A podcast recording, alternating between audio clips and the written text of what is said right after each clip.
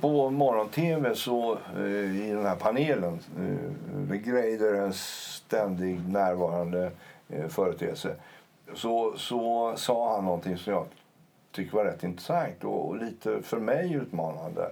Nämligen varför ska vi ha fyra års mandatperioder när man kan ha två?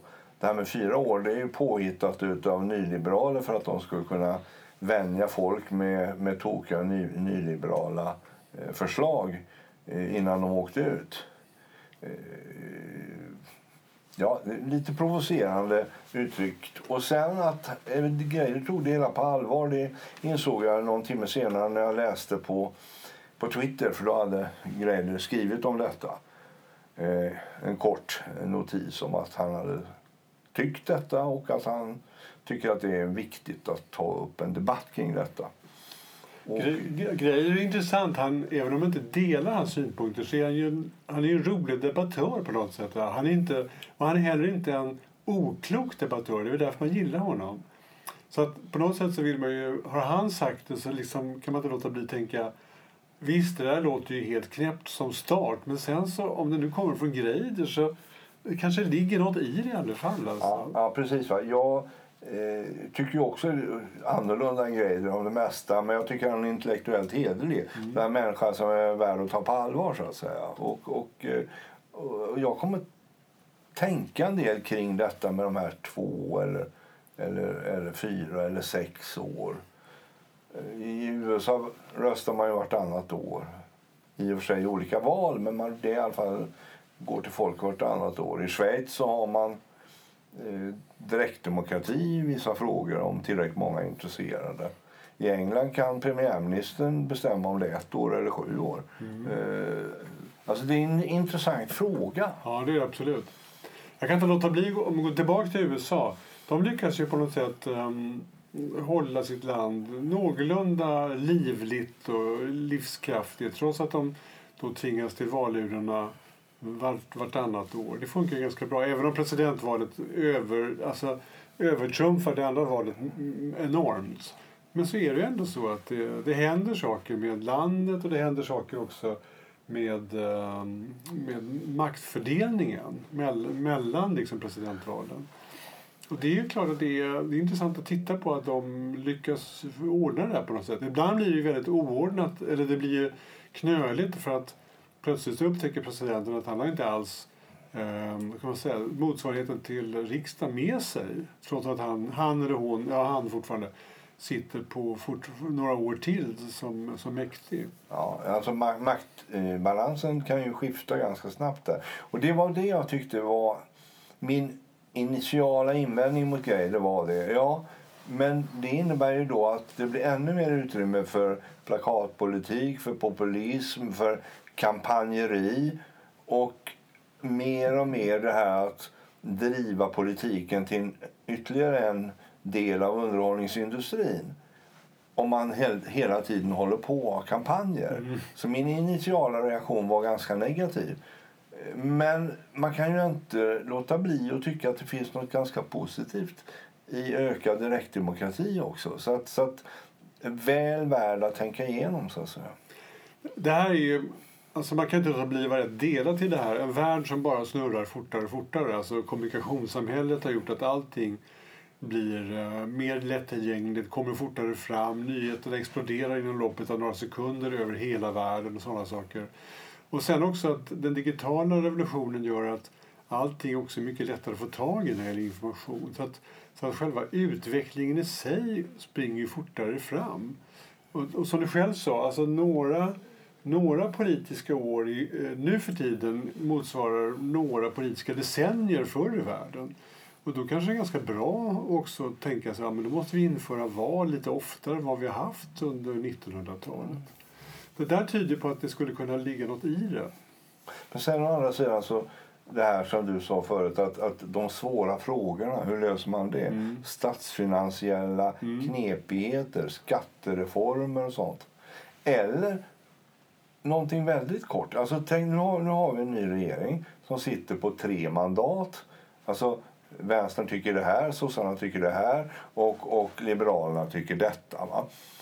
I triangulering mellan de här tre åsikterna så har Miljöpartiet och Centern lyckats få igenom eh, anhöriginvandring, eh, lättare an, anhöriginvandring. Mm. mm. Som ju är vällovligt och, och bra och svenskt och, och, och, och öppna gränser och så. Men ponera nu att det skulle leda till att vi om ett och ett halvt år har ett nytt 2015. Mm. Och så har vi val Mm. 2015. Då skulle vi riskera att Sverigedemokraterna får 32 procent Mm, helt plötsligt. Därför att den här frågan är så brännande just Mm. då så folk rusar blint in i en ny folla. Visst. Och det skulle ju vara livsfarligt. Och jag tror inte att Göran Greider skulle gilla det heller. Nej, det är riktigt. Och, och, det, och det, ehm, det kan också gå åt andra håll. Alltså det, kan ju gå, det kan hända saker som gör att en tillfällig opinion plötsligt får makt över en, eh, över en, om, en parlamentsomröstning. Därför att det råkar vara så att de sammanträffar i tid. Jo. Men, jo, men då säger vän av ordning, men det gör det ju även om det är fyra eller sex år. För sälarna de dör helt plötsligt i augusti i det fjärde året eller sjätte året Ja. och då blir det ett miljöval. Ja, alltså ja, så det finns... Men det, för att komma tillbaka, jag tror fortfarande att det här med att svåra omläggande reformer, Ja. Typ pensionsreformer och, och, och, och statsfinansiellt elände, rensa upp. Att det är bra om, man har i alla fall fyra år på sig. Ja, det är verkligen sant. Jag tror det också. Ehm, eh, jag är helt övertygad om det. Jag- Hur ska man kunna reda upp såna här eh, statsfinansiella kriser som finns som, som kan stå, uppstå i Frankrike, eller Italien eller i, eller i USA som kräver långsiktighet för att få ordning på statsbudgeten. Och smärtsam omställning och sådana saker. Och när jag tänker efter vet jag inte hur vi själva gjorde men vi har ju väl fram till, i alla fall för några år sedan så var ju Sverige ett land där man där enigheten stod över partigränserna på något sätt. Jag menar, tänk på 1900-talet som ändå Sverige redde upp eh, rätt väl. Egentligen väldigt, väldigt bra. Jo, men senast var det ju då när, när Socialdemokraterna eh, satte sig tillsammans med Moderaterna och såg till att vi fick bankreformen eh, reformen och fixade hela eländet med 500 ränta och alltihop Visst. det här. Då var det ju verkligen samling under fanan Ja, så att säga ja. för att fixa landet. Ja, det är riktigt. Och det vet man inte om det kommer att bestå. Man kan framförallt inte, man kan inte ha en konstitution och antal val, alltså hur många år det ska vara mellan val och bygg, bygga på det.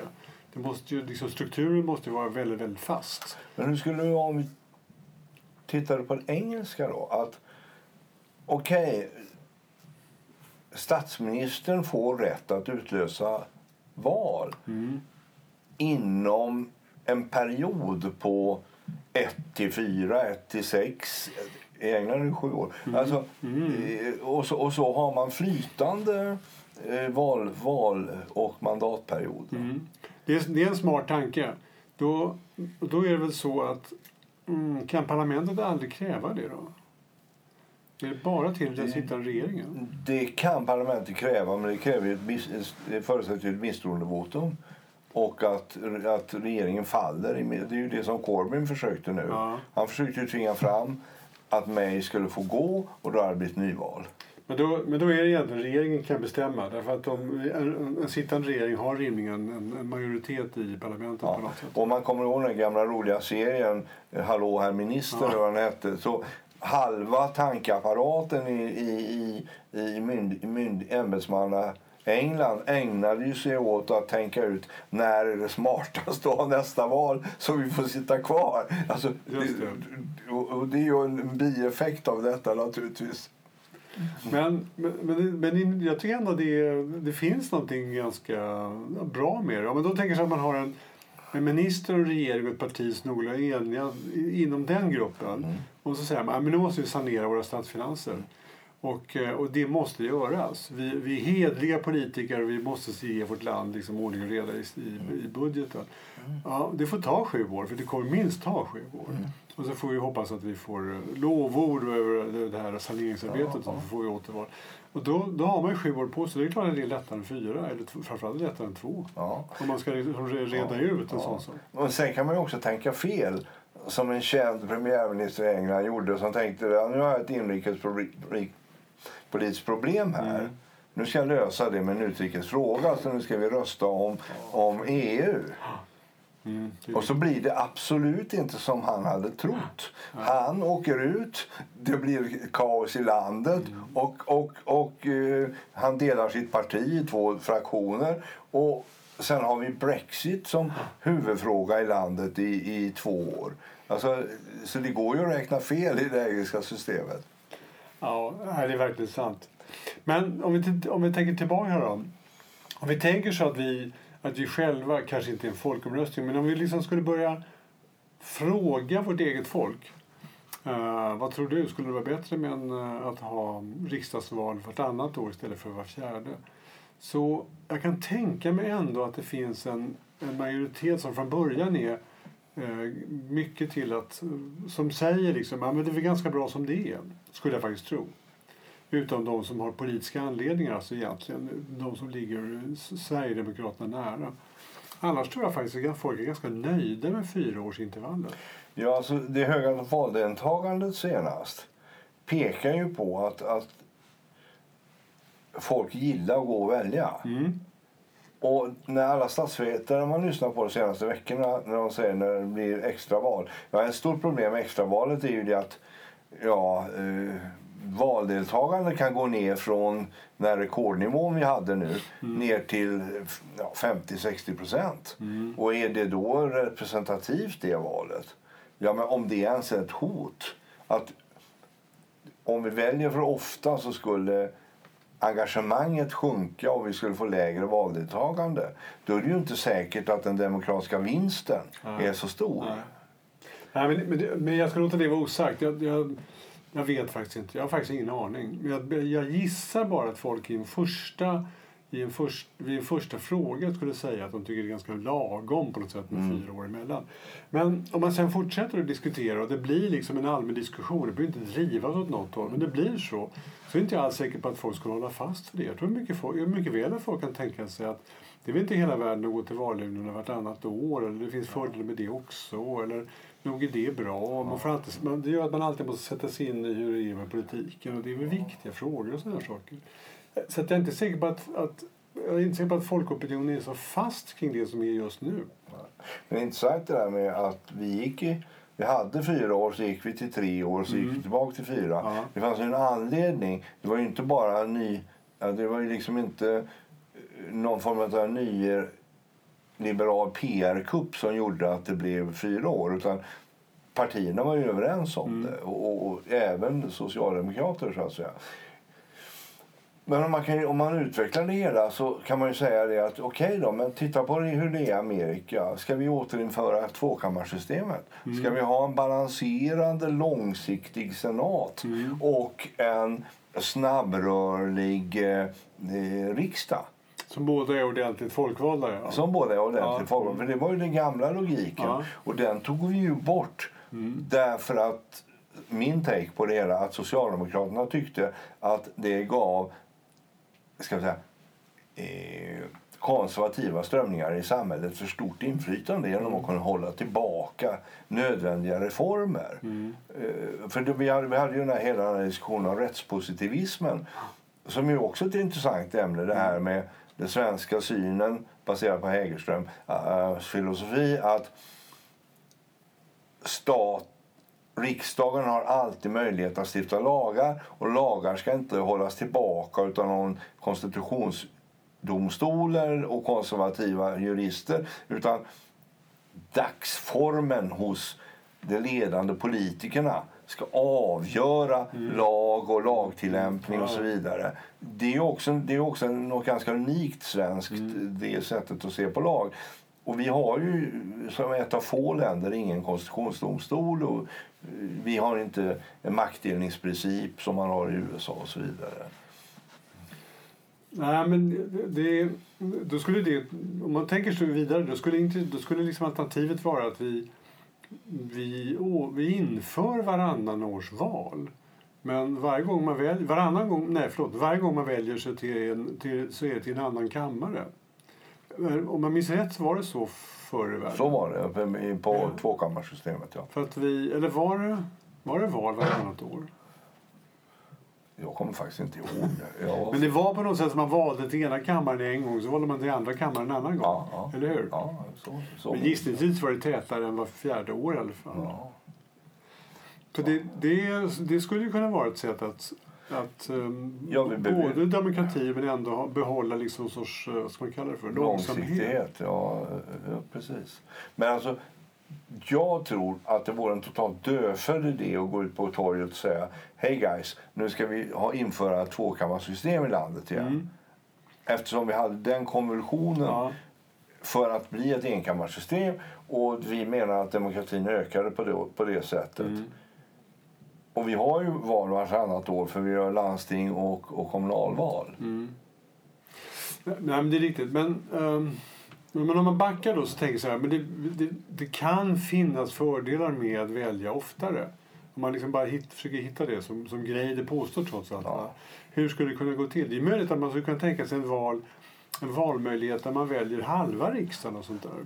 Alltså att man, då, man väljer en del av riksdagen. Ja, eller att man går tillbaka till det som jag, jag gled på orden här förut. Vad jag menar är det att vi har ju tagit bort kommunal och, och landstingsvalet och sammanfört det med riksdagsvalen. Men att föra tillbaka det. Mm. Jaha, för, då, eget för, val. Ja, ja, ja. för då blir det ju vartannat års val. Det var det jag menade för Ja, jag ja. sa tvärt emot. Ja, ja, du menar så. Just det.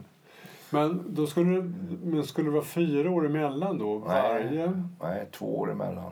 Ja, men en gång sker kommunal och landsting och så två år senare sker, rik- sker riksdagsval. Ja, precis. Och, sen Som det var förut. mm. Och så två år senare så är det kommunal. Men det Ja. gör att varje mandatperiod är ändå fyra år oavsett om den är Ja, lokal eller precis. Va? riks. Och då, men då skulle man ändå man skulle kunna se Ja, ja, ja. strömningarna i samhället så att säga. Det var ju det man inte ville för det skulle störa riksdags, Mm. riksdagens möjlighet att föra politik störs av att det helt plötsligt blir andra majoriteter i landsting och kommuner Mm. och då påverkar det rikspolitiken för det, ja, då, blir det, då blir det ökad sån här, vad heter det, eh, folkopinionsmätningspolitik så att säga.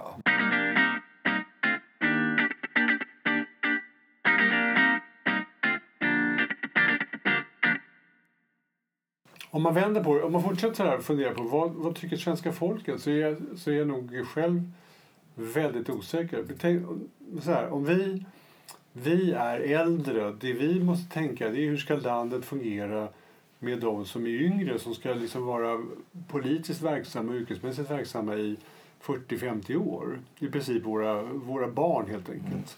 Våra numera närmast vuxna, Vuxna, barn. ja. Ja, vad, vad skulle de gilla bäst? Vartannat år, vart tredje år, vart fjärde år?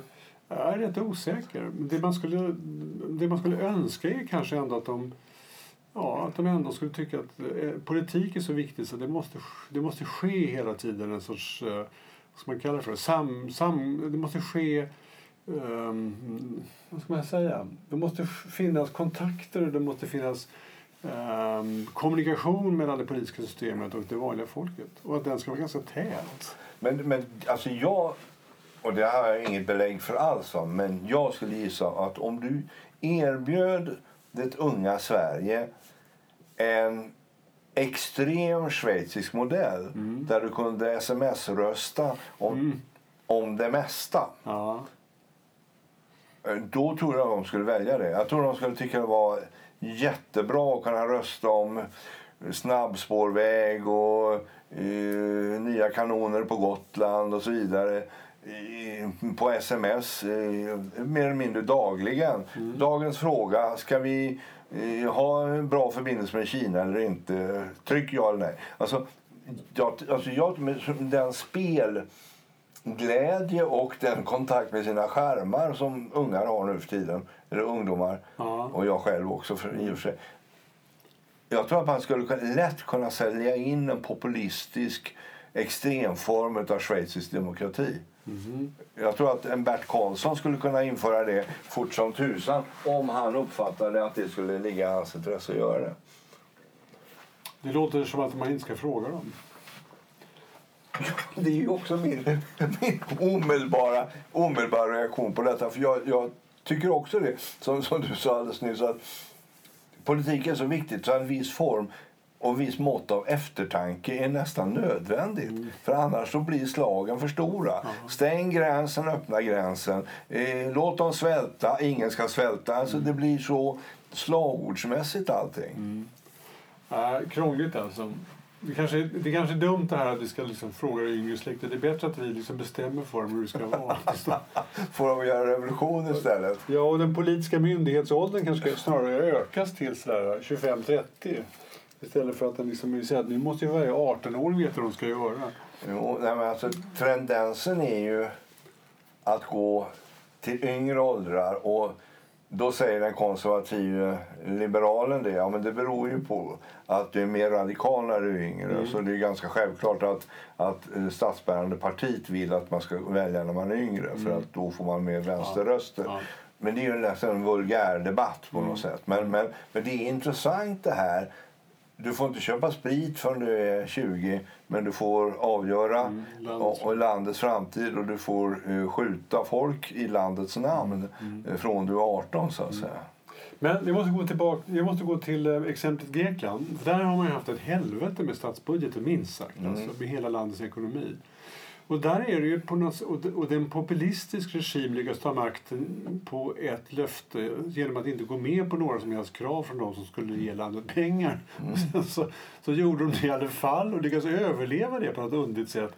Och inte nog med det, de lyckas dessutom mm, om inte sanera så i alla fall förbättra det egna landets ekonomi. Så, där, så att bankirerna, inte bankirerna, men, men vär, liksom, världens ska man säga, finansieringselit säger att ja, det är i alla fall lite bättre i Grekland nu än vad det var för sju år sedan.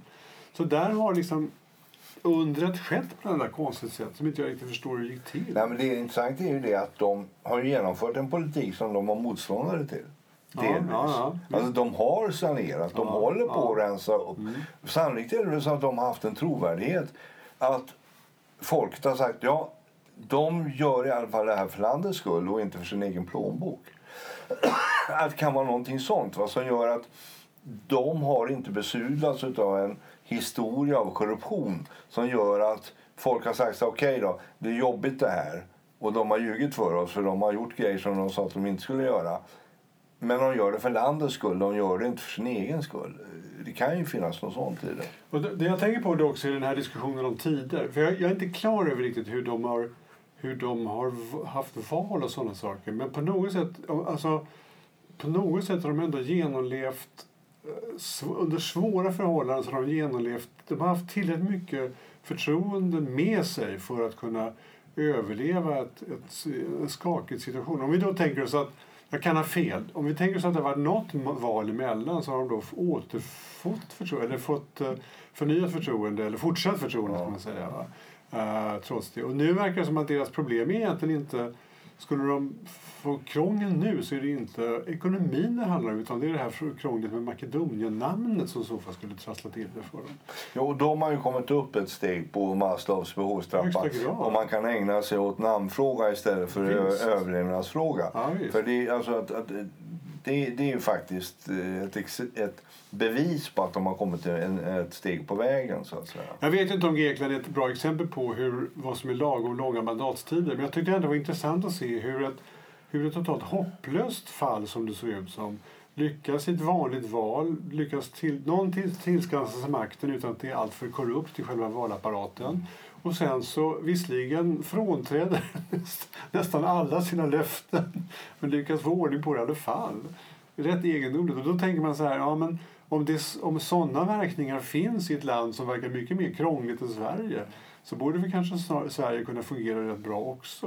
Och det skulle inte vara någon större fara med att korta mandatperioderna. Därför att blir det allvar och viktigt sånt där så samlar politikerna och befolkningen ihop sig på något lustigt sätt och säger att ja, men, Visst, det är hårda tider, eller det är svårt eller det är krångligt och det blev inte riktigt som vi hade tänkt oss. Men, men han eller hon eller de får nog fortsätta leda landet i alla fall. Mm.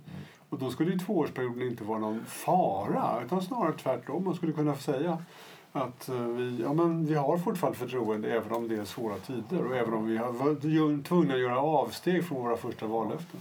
Det finns en sak som gör att det är en så stor skillnad på, på Sverige och Sydeuropa. Det är ju det att i Sydeuropa finns ju en enorm privat kudde som inte vi har i Sverige. Mm. Alltså, Norditalien är världens rikaste re- region.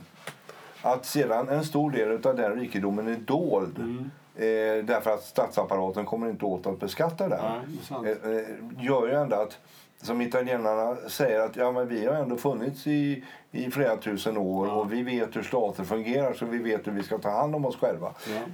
Men i Nordeuropa så är det ju så att i och med att vi är så hederliga och betalar så mycket skatt så har inte vi några privata kuddar. Nej. Och det är ju samma sak i Grekland. Va? Alltså, om, man fick, om man bara fick en sån enkel reform så att hela Grekland medelklass och uppåt betalar 5% mer Skatt, skatt, ja. Mm. så skulle deras finansiella problem vara borta.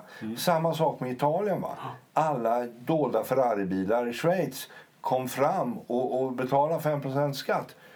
Då, alltså det, men den bufferten har inte vi i Sverige. Utan här måste kontraktet balanseras hela tiden. Mm, För att om pengarna tar slut, då tar de verkligen slut. Mm. Alltså det är ju som de som har elbrist ute i, i, i skärgården. Alltså det, det, det, det finns ingenting. Nej, nej, men det är verkligen sant. Man ska, man ska inte dra jämförelsen för långt. Alltså. Men, men icke desto mindre kan jag tänka mig att själva, äh, du har rätt i det. Det är klart att, att förtroendet för de som har makten det beror lite grann på hur, mycket, hur väl jag kan försörja mig själv under en svår tid. Det är faktiskt Ja. sant. Ja. Det är, det är riktigt. Det är naturligtvis också ett, ett knepigt argument för, för i, i den här eh, frågan direktdemokrati mer eller mindre och så vidare. Men jag kommer tillbaka till det som du sa. Att den stora svåra utmaning som Grekland har haft och som Italien har och kanske går in i och därmed går hela EU in i det. Om vi får den typen av ansträngning i Sverige då tror jag att vi behöver ett väl fungerande avtal mellan befolkning och stat Mm. och en lång period Lång tid. och, och, och reda ut det. Därför att vi är ju så extrema i Sverige. Så på två år så skulle vi hinna både vara statskapitalister och totalliberala. Och jag tror att det, det, det behövs period för att ska vi säga, kapa av topparna på vår extremism helt enkelt. Om vi tänker oss 90, eh, 1990-talet och så tänker vi igenom vad var det som egentligen hände. Alltså den Bildtregeringen föll kort efter natten med 500 ränta. Ja. Föll den i ett val eller, blev det, eller upplöste de regeringen? Vad fan hände egentligen? Det kommer inte jag riktigt ihåg. Nej. Det var, allting var så tumultartat och man trodde Sverige skulle lämna ner en sorts ekonomisk avgrund på något sätt. Ja. Det var ju självförvållat lite grann. Alla våra fastighetsbolag hade förköpt sig på något sätt. Ja, och sen så hade vi, alltså vi, vi hade ju ett antal, alltså vi gick ju från den ena extremen till den andra. Mm. Noll kapitalexport, noll rörlighet, noll till att bli som England. Allt rör, allt får man flytta på, allt får man eh, spekulera i. Och, och vi, vi skaffade inte checks and balances som det heter i anglosaxiska världen som, som styrde upp de här friheterna. Och så satte vi igång och förköpa oss och, och bli extrema i finanssektorn så att säga. Men- Och så trodde ju faktiskt våra politiker på någon form av nationalekonomisk logik. Klämmer vi bara till med ordentliga räntor så löser det här sig. Det är bara det att istället för att väcka logik så väckte det spekulanterna i världen och se undrar hur länge de kan hålla på här. Kan vi elda på under panna och se hur många procent det kan bli? Och, och, och logiken upphörde. Eh, eh, Spekulationen vann på något sätt. Ja, det blev verkligen så. Om vi då, sen så, någon, någon kort efter att Bildt och... Uh, um, äsch, vad heter rikspresidenten? Dennis hette han. Mm. Så, så inträdde en, en socialdemokratisk, socialdemokratisk regering och Ingvar Carlsson var inte längre... Jo, han var partiledare. Mm. Och, och Göran Persson blev finansminister. Mm. Och så började det långa saneringsarbetet. Och om man då tänker sig att de hade haft tvåårsperioder då är frågan, hade de klarat det? Hade, hade det varit så att det hade, deras försök till sanering hade störtat samman om de hade gjort det? Eller hade de förtroende med sig så att de skulle få behålla det efter de första två åren? Att- Det svåra är ju det att de beska pillerna känns ju omedelbart. Ja, Men ljuset i gryningen kommer ju först efter två år. Ja, kanske. Ja, och det gör ju det att, att just i den typen av situation så tror jag att Göran Persson var väldigt glad över att han var finansminister i en fy- fyraårsperiod. och Mm. Inte i två. Ja, eller var det en treårsperiod då? Nej, det var fyra. Det var fyra.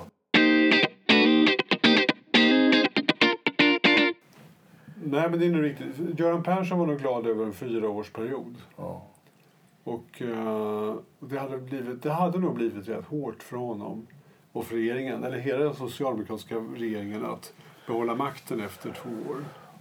Kan man gissa. Ja, och dessutom banksaneringen hade ju inte ens mer än kommit igång. Och alltså, det, det, var, det var ju ett gigantiskt arbete att ta in alla de här fastigheterna, eh, eh, rober och, och få till alltihop det här. Så att, så att eh, jag menar, Slutsatsen av alltihop var ju det gick ju ganska bra för Sverige. Ja, det fick ut fulla värden Ja, ja. av fastigheterna och allt Oh, ja. Och de här eh, bankdirektörerna som jobbade, de gjorde ju ett gigantiskt saneringsjobb. Mm. Ja, Alltså ja. och räddade skattebetalarpengar. Men när vi sitter och pratar om det här så inser jag att det finns... Egentligen är det så här. Det, det, om vi tänker oss att de partier som fanns på den tiden. Om det hade, om det varit två års äh, val och det hade blivit, så hade det blivit ett val och sen hade oppositionen tagit makten. Så kan jag tänka mig alltså att en, eh, en eh, ja, vi kallar det för att alliansen redan fanns. Så kan jag tänka mig att den, den partigruppen, de hade inte haft så himla annorlunda politik än den socialdemokratiska. Däremot så hade skallet från facket blivit ännu hårdare klart. Då skällde de rätt mycket på Mona Sahlin och Göran Persson. Ja. Och, sådär. och det hade varit mycket grövre naturligtvis om det hade varit en, en, en höger. Och sen så hade Socialdemokraterna skällt med utan riktigt menar det. Det jag menar är att det hade inte ändrat så himla mycket. Det som har dykt upp nu är att det finns populism överallt i samhället och i Europa. Och då menar vi att, då vet ju vi, tror vi oss veta, att populisterna använder sådana tillfällen inte för att vara att, eh, Konstruktiva. Nej, för att konstruktiva och, och liksom sanera. Utan de sitter och lovar saker som inte finns pengar till. Det ser, vi ser redan i Italien. Vi ser att Trump gjorde samma sak i Amerika. Han låtsas att det finns pengar som inte finns. Och det är Ja. det som är faran i de här svåra saneringsperioderna. Och då, då behöver man de långa, de långa mandattiderna. Ja. Alltså det, det är min take också. Att det, det är nästan till alltså, så För att komma tillbaka till det här. Om man kommer i ett 2015 situation Mm. och folk börjar få panik och ser plötsligt är det val och så Sverigedemokraterna står och hylar Ja. på, på... Alltså, man måste våga hålla ut för en sak. Man måste våga lösa problem. Och, och det är klart, måste man rösta hela tiden eller måste man den jobbiga folkviljan som ju är en demokratins grund. Det är en svår balansgång det här. Alltså, Ja. Det finns saker som inte går att avgöra i ett direktval. Det är möjligt man kunde göra det på torget i Aten när det var 400 gubbar som var valberättigade och resten var slavar och kvinnor och barn. Eh, Då kanske man kunde göra det. Men idag med eh, liksom 6 miljoner röstberättigade då blir det lite annorlunda. Men om vi tar det ett varv till så tänker vi så här. Det finns ett, eh, den nuvarande populismen låter ju ungefär likadant i Europa som i USA. Och då finns det liksom ett, ett, ett, eh, ett skall mot eliten om man får kalla det så. Och den är ju, det, det går ju att identifiera en elit på något sätt. Va? Som är, framförallt inom det politiska etablissemanget. Va? Där finns, ja, hur som helst. Då tänker vi oss att det är ju en, en retorik som man bör inte lyssna på men man bör liksom vara aktsam kring den. Och det gör ju att man bör också försäkra sig om att den inte får för mycket fotfäste på något sätt. Att den har redan fått lite för mycket. Och därmed skulle det kunna vara värt att ändå ha en tanke åt att just att låta att, att liksom befästa att val lite oftare är, är ett bra sätt att hantera den frågan. Det är inte riktigt så att det sitter samma elit där hela tiden. Det är långa perioder emellan. De kan bita sig fast. De äter sig in i byråkratin. Och på det sättet, efter fyra år, så är det inga, inga riktiga val. Men när det är två år emellan så, så, så, så är den risken mycket, mycket mindre. Så att det går att rösta bort den och sådana saker. va? Du menar det att vi är egentligen när vi sitter här och pratar företrädare för den elit som vill vara lite förmyndare mot folket. Ja.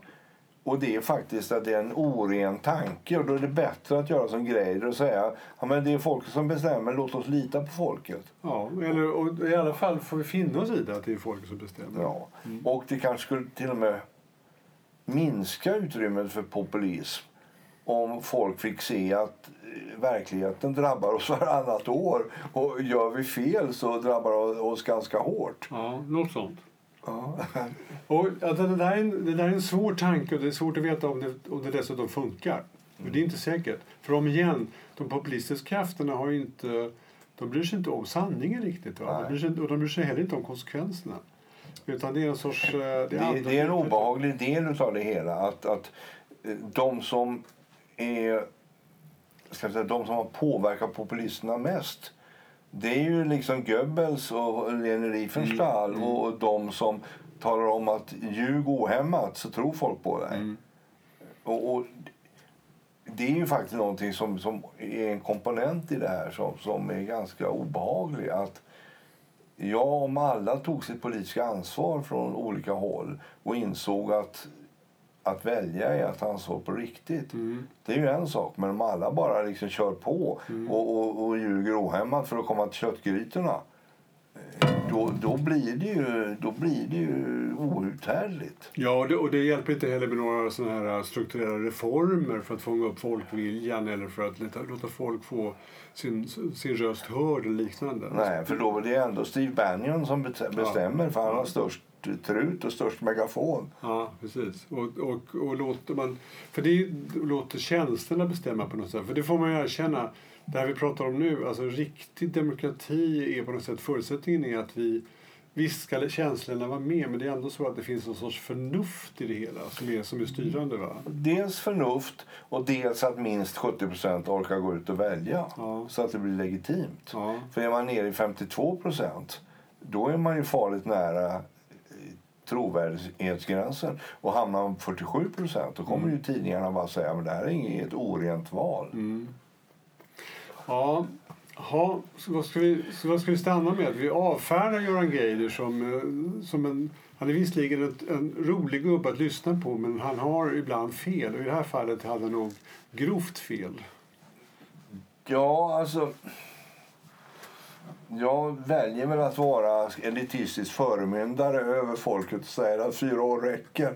Eh, men jag säger det att, att, att eh, Greiders tanke är väl värd att uh, köra runt i huvudet några varv. Ja, det är det.